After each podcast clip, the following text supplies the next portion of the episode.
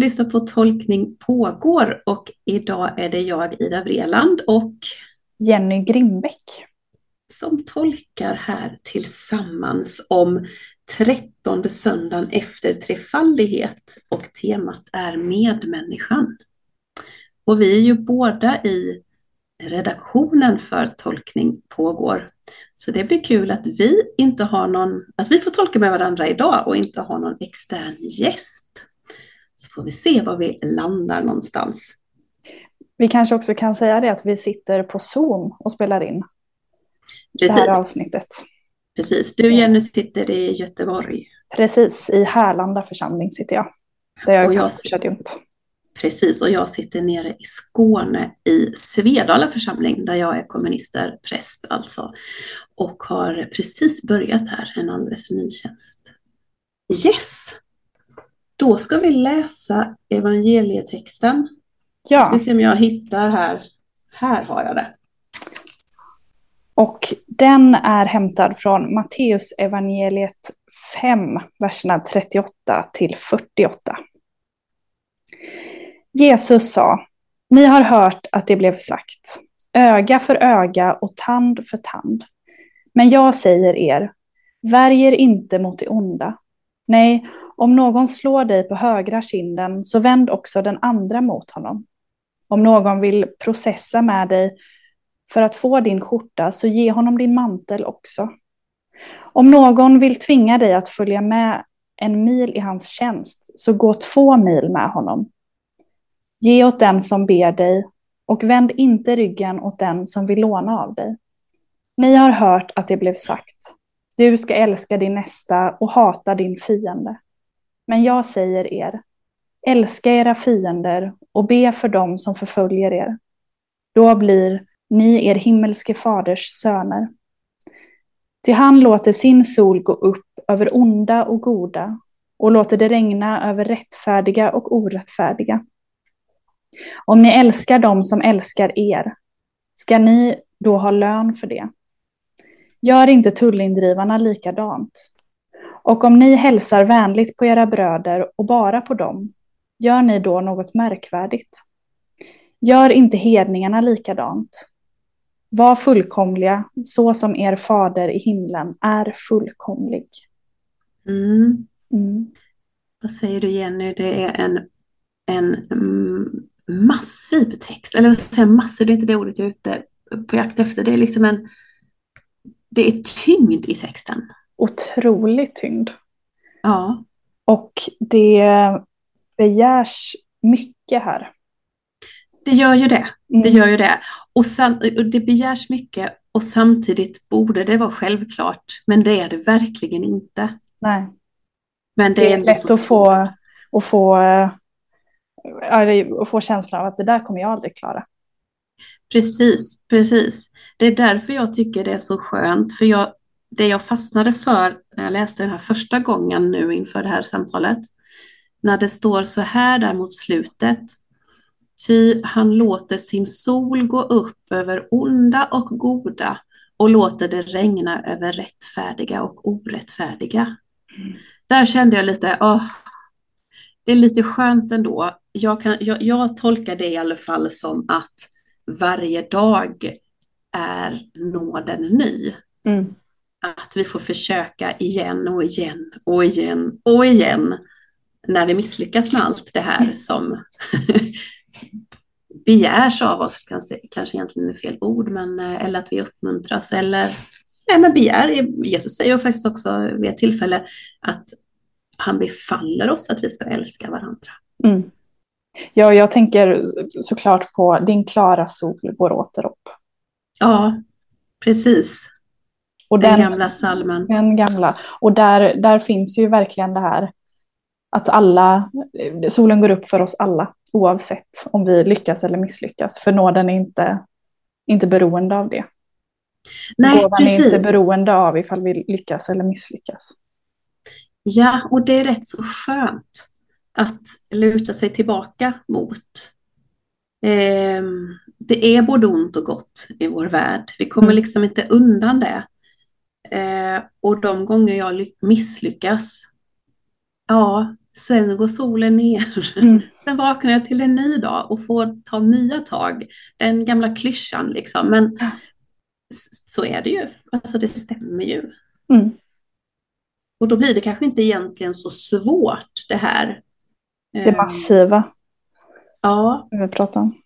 Precis. Det, det, det starka liksom. Även om det är lite svårt eller jobbigt att läsa var fullkomliga, så som er fader i himlen är fullkomlig. Det är ju totalt omöjligt, eller? Mm. Det går ju inte. Nej, inte på egen hand i alla fall. Nej, nej, nej. Men du, jag tänker den här söndagen, eh, Mm. när, den här, eh, när vi ska läsa den här texten, Mm. Det är ju valdagen. Ja, du. Eller hur? Va? Det är spännande. Det är väldigt spännande. Mm. Den här, eh, det här, den här texten borde kanske läsas. Gå på, på ett loop Ja. i eh, alla vallokaler. Ja, det, ja. ja men det, det är för just eh, utmaningen eller uppmaningen eller kravet som möjligtvis finns i den här texten. Det kanske kan ja, men hjälpa oss att se hu- hur eller varför kanske framförallt vi ska rösta. Ja, precis. Att vi ska man- rösta. Ja, och om man då också tittar på dagens böner, som ju är också här varje, varje dag, varje söndag, har eh, också två dagens bön kopplat till sig. Och då läste jag båda två här och där tänkte jag just på nu också med valdagen och det kanske sammanfattas lite de här texterna, eller den här texten vi läste i de här bönerna. Eh, I den ena så står det Stärk vår tro och öka vårt hopp så att vi fylls av kärlek till den mänsklighet som du älskar. Mm. Och i den andra står det Lär oss att leva för andra, glädas med dem som gläder sig, gråta med dem som gråter och att älska utan förbehåll så som du älskar oss. Mm. Det är lite av det i dagens valrörelse va? Ja. Älska utan förbehåll. Det är så mycket, det är så mycket krav. Alltså vi, kärleken är kravfull eller fylld. Eh, Mycket nu tycker jag när man ser liksom till det offentliga. Nej, du ska inte komma här och tro att du Mm. bara ska få eh, bli älskad. Nej, Nej. här kräver vi någonting tillbaka av Mm. dig. Mm. Och passar du inte in i vår mall, då ska vi minsann se till så att du antingen formas i den eller eh, inte får vara med. Mm. Om man ska hårdra det liksom. Ja. Ja, Hur- Hur skulle en, en valrörelse se ut som hade älska utan förbehåll som upptryckt på valaffischen? ja du, jättebra fråga. Det hade varit häftigt Ja. faktiskt. Men jag tänker apropå det du säger att, eh, att det finns, att kärleken har, har ett pris i, i en valrörelse eller så. Eh, och det som är så fantastiskt med, med kyrkan, eller det som vi vill vara i kyrkan, det är ju att vi på något sätt välkomnas hur ofullkomliga vi än är. Mm. Alltså vi, vi välkomnas i befintligt skick, både till kyrkan och till Gud. Ja. ja, men precis. Det är därför vi kan sitta och säga här när vi har läst den här evangelietexten att det här var fullkomliga, att det klarar vi ju inte av. Nej. Eller oj, tänk alla gånger vi misslyckas med det som står i den här texten. Mm. Vi får försöka igen. Det är därför vi kan säga det, för att den öppenheten och välkomnandet faktiskt finns. Ja. Eller bör finnas i alla fall, om det inte finns det. ja. Och vad, vad, gör det, vad gör det med människor eller med oss att bli, att bli sedda i befintligt skick? Liksom? Ja. Ja, precis. Och, och, ja, och inte behöva leva upp till saker, Mm. utan bara, bara få vara. Mm. Det hade också varit så. Kom, bara var. Mm. Att låta som en, på en valaffisch. Men det är, ja, det är som att i samhället, jag upplever att det har blivit ganska hårt, ganska snabbt. Mm. är min upplevelse. Det kanske alltid har varit det och allting går ju såklart i vågor och så, men jag tänker nu under en valrörelse till exempel så är det extra tydligt eller man är extra uppmärksam och det, det pratas ju om det mer kanske än, än annars så, men just det här, det ska vara hårdare tag, större krav. Och, ja, och jag tänker, vad gör det med oss människor? Mm. Det, det, jag tänker, tänker ett litet barn som får skäll när det har gjort fel och Mm. blir skrikt åt. Det, det, blir ju, det hjälper ju inte direkt. Nej. Men däremot om barnet får känna sig, känna sig älskad utan förbehåll, även när det gör fel. Ja. Ja, lite skillnad. Var det, det var Astrid Lindgren som sa något i stil med älska barnen så kommer folkvettet på köpet. Ja, precis. Ge barnen kärlek. Ge barnen kärlek. Ja, ännu mer kärlek. Mm. Ja, ja men precis. Det är ju faktiskt sant. Mm. Och det gäller ju för oss vuxna med. Ja, i allra högsta grad tänker jag. Ja, det går väl aldrig ur en. Det var också, nu ska vi se, det här med då, på samma tema, älska era fiender. Åh. Uh-oh. Ja, där gick det inte längre att sitta liksom, lite präktigt någonstans och säga titta alla de där borta. Nej, precis. Alla som har gjort orätt, alla som man upplever har gjort en orätt, de ska jag älska liksom. Ja. Be för dem som förföljer er. Oj, oj, oj. Ja. Den är inte helt lätt. Nej. Går, går det att tänka att vi, att vi gör det som församling? Som kyrka? För jag tänker att det här, Ja. är, det här är ett bibelord som kan, skulle kunna tolkas och bli jättefel. Liksom. Eh, I relation mellan offer och förövare i, Ja, i något sammanhang eller sådär. Precis. Men, Det är sant, för det, ja, det står ju faktiskt också, jag säger er älska era fiender. Det är liksom inte du ska älska din fiende. nej. För det är som du säger, det är, liksom, det är ganska höga krav på en Mm. människa. Okej att, att tänka att ja, men här är någon som har varit lite dum, ja men jag kan älska den ändå.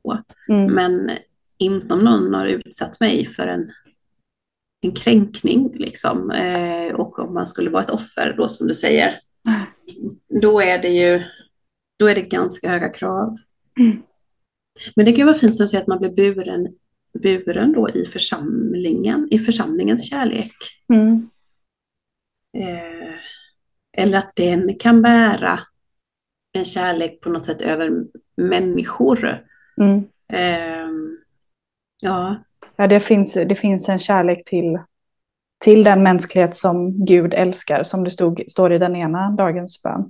ja, ja, men precis, precis. Vi är en mänsklighet. Mm. Och ja, då kanske det är lite lättare på något sätt när det blir ett kollektivt, Ja. en kollektiv kärlek eller krav eller vad man ska säga. Ja. Jag vet att jag har nämnt det här tidigare i podden, eh, men känner du till eh, filosofen och teologen K.E. Lögstrup? Ja, det känner jag igen. Det kanske är för att du har nämnt det tidigare kan i vara så. Ja, Men jag, jag kan inte släppa det nu. Nej, men... För han, han, han Ja. skriver ju om, om det etiska kravet. Eh, Ja. Som är att i mötet med en annan människa så ställs det krav på oss. Eh, vilka vi är skyldiga att, att följa, att det är det som är relation. Eh, Mm. Att bemöta den andras nöd, Just det, det är det som är kravet. det är det som är kravet.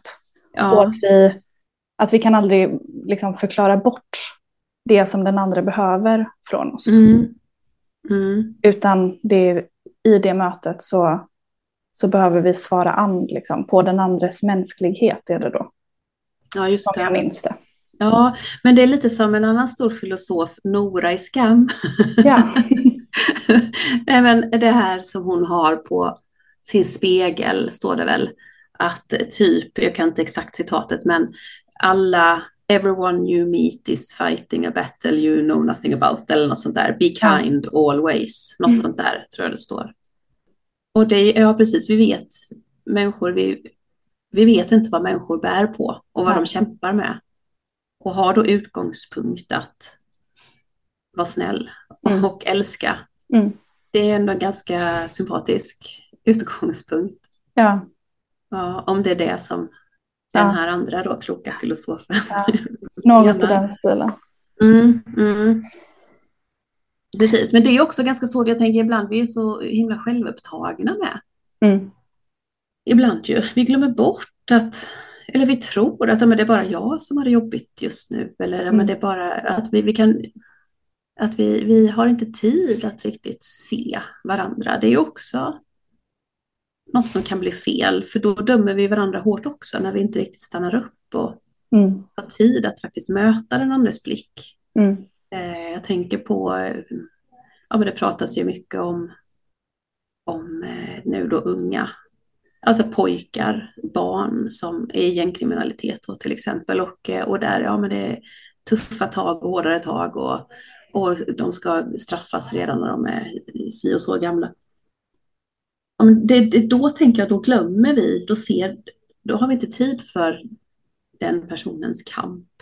Vad har den varit med om egentligen som gör att man gör något sånt här? Mm. Eh, nu, nu såklart är det en hemsk handling att man skjuter någon och dödar någon.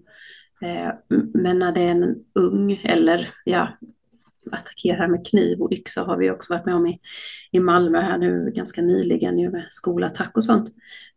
Men det, det är ju inte så att säga inom situationstecken normalt beteende. Alltså någonting har ju gått väldigt, väldigt fel. Mm.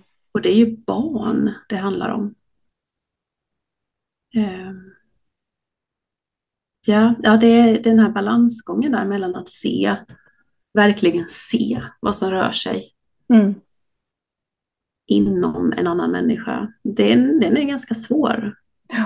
För det, det är lättare att snabbt döma. Ja. Och säga den är ond. Så, den ska straffas. Så. Mm.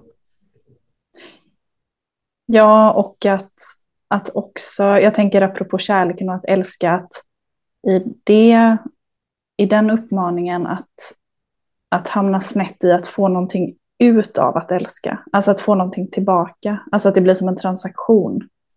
Mm. kärleken. Just det, det är att ett krav ska, då, Ja, precis. Ja. Att det ska leda någonstans. Om jag älskar dig så ska jag få något tillbaka. Ja, just det. Um, eller det ska leda någonstans. Ja, men är det riktig kärlek? Eller? Nej, det tänker jag inte. Nej, precis. Nej. Jag tänker att kärlekens pris är... Ja, det går den, den, går, det går inte att handla med kärlek. Liksom. Nej, nej, precis. Och jag slog ett öga här lite snabbt på episteltexten som är hämtad ur Romarbrevet. Och då första meningen är Stå inte i skuld till någon utom i er kärlek till varandra. Ja. Det är ju faktiskt liksom, där, då kräver vi ju ingenting. Nej. Ska vi inte kräva någonting tillbaka, utan bara ge och ge och ge. Och också åt andra hållet faktiskt, att tillåta oss att ta emot mm. utan att jag behöver liksom, återbetala på något sätt. Mm. Ja. För jag tänker de där murarna som vi bygger upp när vi riskerar att missa varandras kamper, de murarna håller ju också borta blickar och kärlek. Alltså när någon vill se, vill se mig. Mm. Eh, så är det lätt att muren blir för hög även för någon annan att komma in. Ja men precis, verkligen. Mm. Det blir avstånd mellan oss, vi ser inte varandra och då mm. dömer vi varandra väldigt snabbt också ju. Mm. Då är det bara yt ytan vi ser. Mm. Ja. Men det är ju läskigt med att, men att ta emot kärlek betyder ju också att jag, jag behöver blotta mig. Mm det är ju, det är ju inte så tryggt alla gånger.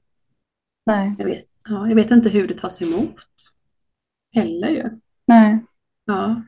Men då behöver vi kanske vara ödmjuka sådär att ja, men det spelar kanske ingen roll att jag inte fick tillbaka någonting här nu. Men jag visade ändå. Mm. jag visade ändå någonting. Ja. Så planterar man kanske ett frö någonstans. Mm. Ja. Men det, det, jag tänker att det i, i vårt samhälle är, det är super, super läskigt. Att visa sig sårbar eller misslyckad eller Mm. trött eller trasig. Mm.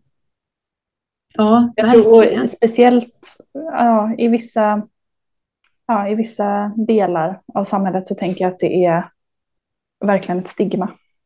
Ja. Varför är det så då? Nej. Ja. Nej, vad, vad händer när, det här är sånt här vi pratar med konfirmander om, men vad händer när masken faller? Liksom? Ja, ja, precis. Ja, för det, det är ju mycket det här uppvisandet av den perfekta ytan. Mm. Och som du säger också, det här Instagram-inlägget, när jag, när jag ler mot kameran. Jag vet att mitt leende är ju inte där konstant. Nej. Men det vet ju inte de andra, för det är ju inte det jag visar upp. Och även om det inte är så att man har en, ja, jag ska bara visa det lyckliga på Instagram. Nej, men det blir ju ändå så. Ja.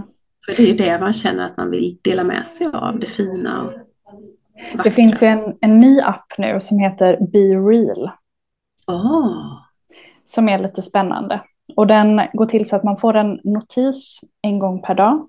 Det mm. kan vara olika tidpunkter eh, under dygnet. Och då har man, om det är tre eller fem minuter på sig, att ta en bild. Och då tar mobilen bild både med selfiekameran och den vanliga kameran samtidigt.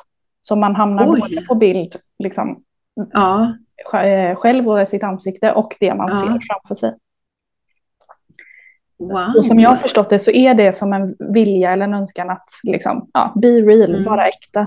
Ja, Eh, Det som dock har hänt väldigt snabbt är ju att eh, människor, man, för man kan lägga upp senare, men då, då syns det att man har fuskat lite. ja, ja, ja. ja. I, när jag hade den här appen ett par veckor, då det var tydligt att vi var många som fuskade. För att man, ändå, man vill ändå lägga upp något intressant eller skojigt. Ja, eller kanske inte superpolerat, men ändå ja. något, någon, något form av innehåll. Ja, men precis. Inte bara ett par fötter som är på soffbordet och tittar på, på eh, Lyxfällan. Nej, Liksom. ligger, ligger med Det- dubbel haka. Liksom. Ja, men precis. Eller hur? Samtidigt så blir man ju väldigt, de, de gånger jag har gjort lite sådana här inlägg med eh, håret åt alla håll och kanter och så dubbelhaken så här, så eh, blir folk väldigt glada. Ja. Eller visar upp stöket Mm. hemma Mm. eller något sånt. Det är, ju, det är ju väldigt befriande. Det kanske, det kanske är det vi måste göra mer för att bli lite mer förlåtande Mm. med oss, med varandra. Att det är så här livet är på något sätt. Då kanske det är lättare att älska den där fienden. Ja, eller fi, jag tycker fiende överhuvudtaget är ett väldigt svårt begrepp, om jag ska Ja. vara helt ärlig. Fiende, alltså vad är egentligen en fiende? Är det någon som man bara inte känner att den tycker om en? Nej, Eller- precis. Det kan ju vara allt möjligt. Jag tänker också att det skulle, liksom, skulle kunna vara, eh, det blir också självcentrerat som vi pratade lite om innan, men liksom det i mig som är en fiende. Ja, Alltså min egen eh, vilja att eh, vara polerad och lyckad utåt, eller min egen vilja, rädsla för att eh, eh, vara sårbar, eller mm. Ja, säger man inte ibland sådär man är sig själv sin första, nej sin största fiende? Eller något sånt. Så Ja. rätt. största kritiker kanske. För, största kritiker också. Ja, men precis. Ja. Man har så otroligt höga krav på sig själv. Mm. Och det märker jag som präst också, så där att vissa, jag tror omedvetet, att man tänker att vi är på något sätt perfekta människor. Eller att, ja, men, och på ett sätt kan jag förstå dem. Nej, men, om man vet så här att oh, man har läst på universitetet, man jobbar med, med viktiga saker, man har genomgått en prövning, fått godkänd biskopen, eh, man träffar människor i svåra situationer, alltså jag kan, och där ska man vara den trygga punkten. Så, och där, i de situationerna så måste då kan ju inte vi komma med vårt inre kaos och bara för då känner den andra sig otrygg. Och, och liksom vi leder offentliga saker, så begravningar och gudstjänster och ser ut att ha ganska bra kontroll. Mm. Tror man att så är det alltid mm. i våra liv och det är det ju verkligen inte. Um, och då vet jag ibland när man har gjort fel på någon gudstjänst, sagt något fel, glömmer bort välsignelsen, oj då, och så och då är det ofta någon efteråt, åh oh, det var så skönt att, du, att det blev mm. lite tokigt, för då blir inte jag så rädd att göra fel. Nej. Och då är det ju någonting som går snett om man är rädd att göra fel. Mm. Um, men, eh, eller liksom, oh, men, eller så att om någon säger till mig, ja men du gör väl aldrig fel, eller du är ju präst, du kan väl, du är väl perfekt. Typ, nej men jösses, är det det här jag har signalerat ut, ja. eller det här vi präster signalerar ut? Då är det ju verkligen något tokigt och fel. Ja, och vad gör det? Eh, vad gör, ja, vad gör det liksom med församlingen och med om vi ska vara som herdar och ledare? Mm. Eh, vi blir som robotar. Liksom. Ja. Var det så? Hur, hur gjorde Jesus i detta? Ja, var han perfekt då? Nej, det var han väl inte. Nej. Tänker jag. Ibland står det ju så här, han var trött och behövde dra sig undan. Mm. Och ibland, så, ibland säger han ju lite sådär saker man märker, oj, här, här tänkte han nog efter att han hade talat. Mm. Eller ibland, jag menar, och ibland, han kan ju vara lite taskig mot lärjungarna, men fattar ni inte liksom? Eller det här att han blir så ilsk och bara river ut så här månglarna ur templet och välter omkull borden. Och, alltså, jag, jag tänker, han var nog inte perfekt. Nej. Eh, som människa, liksom. Eh, precis som vi inte är det. Nej. Eller vad, vad tror du? Var han, han kanske var det? Nej, jag tänker att i, i att vara människa så ingår det att vara, eh, att vara bristfällig i situationer. Liksom. Inte i sin inte i sitt värde och inte i sin, liksom, i sin mänsklighet men i, mm. i livets liksom, skeende så, så tappar vi det alla ibland. Ja, verkligen. Och det måste vi vara tillåtande med, både för oss själva och för andra. Mm. Jag tänker också de här lärjungarna då han valde ut, de var väl inte alltid de vassaste knivarna i lådan. Alltså, de fattade ju heller inte ibland när han, sådär, han sa vissa saker. Men jag har ju sagt det här så många gånger till er. Så. Ja. Eh, de var ju vanliga människor. Mm. Eh, jag vet inte om du har sett, jag vet för ganska många år sedan så såg jag någon sån där, de brukar väl använda lite i ungdomssammanhang och så, men någon sån här liten lapp som satt i något kök i någon församling att eh, ja men om alla de här olika personerna i Bibeln som gjorde fel, men de blev utvalda ändå. Kung David, han var ju i mångt och mycket en skitstövel. Liksom. Mm.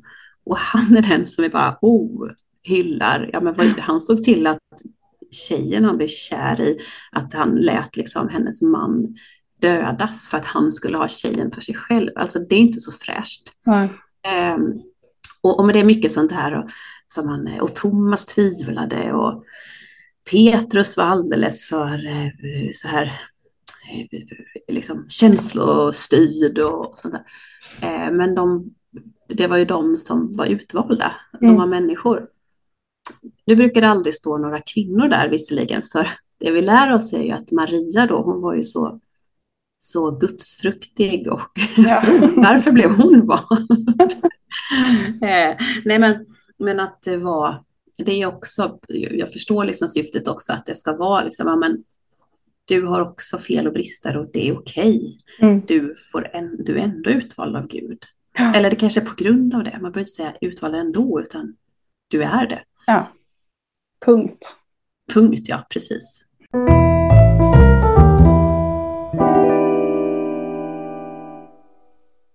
Som sades i inledningen till det här avsnittet så spelade jag och Ida in det här avsnittet på distans. Och tyvärr så bröts inspelningen här. Men det lämnade öppet för dig som lyssnat att fundera vidare kring kärleken, kyrkan och medmänniskan. Stort tack för att du har lyssnat och på återhörande.